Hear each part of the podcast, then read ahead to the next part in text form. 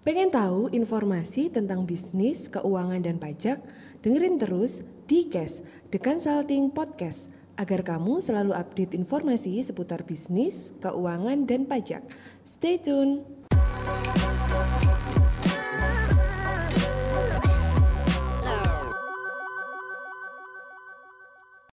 Halo, ketemu lagi dengan saya Badrut Tamam. Uh, kali ini saya akan membahas tentang bagaimana sih cara pelaporan pajak untuk Anda yang usahanya developer. Nah, di materi ini saya akan membahas tentang uh, apa sih uh, pajak yang dikenakan di usaha developer dan bagaimana cara Anda untuk melaporkannya. Nah, developer adalah uh, perusahaan yang bergerak di bidang pembangunan dan jual beli properti ya itu. Nah, pajak pertama yang dikenakan kepada developer ketika terjadi transaksi jual beli rumah beserta tanah adalah pajak penghasilan. Nah, pajak ini dibebankan karena developer mendapatkan sejumlah penghasilan dari kegiatan jual beli. Pajak penghasilan ini e, sehubungan dengan pengalian hak atas tanah dan bangunan dan sifatnya final ya.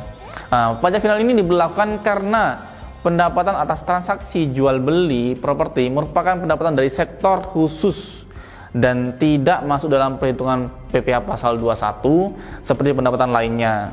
Nah, pembayaran, pemotongan atau pemungutan pajak penghasilan final yang dipotong pihak lain maupun di sektor sendiri bukan merupakan pembayaran di muka atas PPh terutang jadi tidak bisa dikurangkan ketika akhir tahun. Namun lebih pada pelunasan PPh terutang atas penghasilan yang didapatkan. Ya, sehingga developer dianggap telah melakukan pelunasan kewajiban pajaknya. Ingin tahu cara mudah belajar accounting untuk membuat laporan keuangan yang valid dan akurat?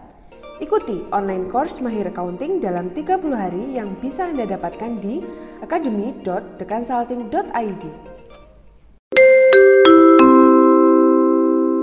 Tuh, dan besaran dari pajak penghasilan final ini adalah 2,5% dari nilai peralihan atau nilai transaksi yang terjadi. Karena karena bersifat final, maka berapapun nilai transaksinya dilakukan developer dan pembeli, tarif pajaknya akan tetap dan tidak bertambah seperti pajak progresif yang dikenakan pada pajak penghasilan pasal PPh 21 ya. Nah, sedangkan untuk uh, pembeli ini untuk developer sedangkan untuk pembeli adalah uh, tidak dikenakan pajak penghasilan, namun dia akan dikenakan pajak daerah PBHTB sebesar 2,5% atau sesuai dengan undang-undang yang berlaku di daerah tersebut. Nah, bagaimana cara pelaporannya?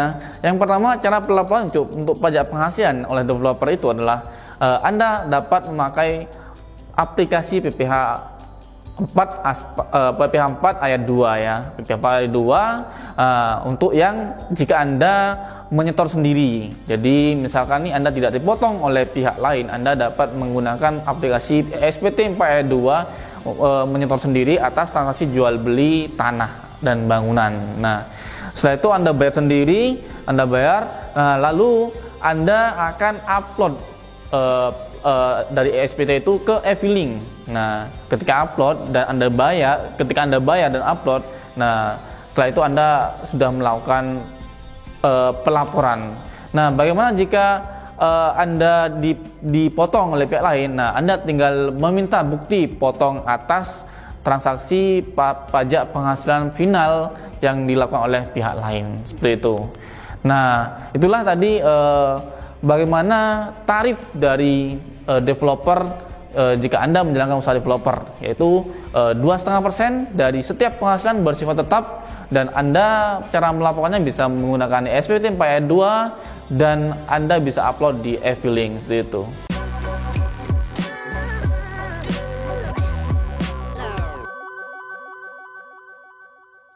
Terima kasih sudah mendengarkan Tikes. Sampai jumpa di episode berikutnya ya.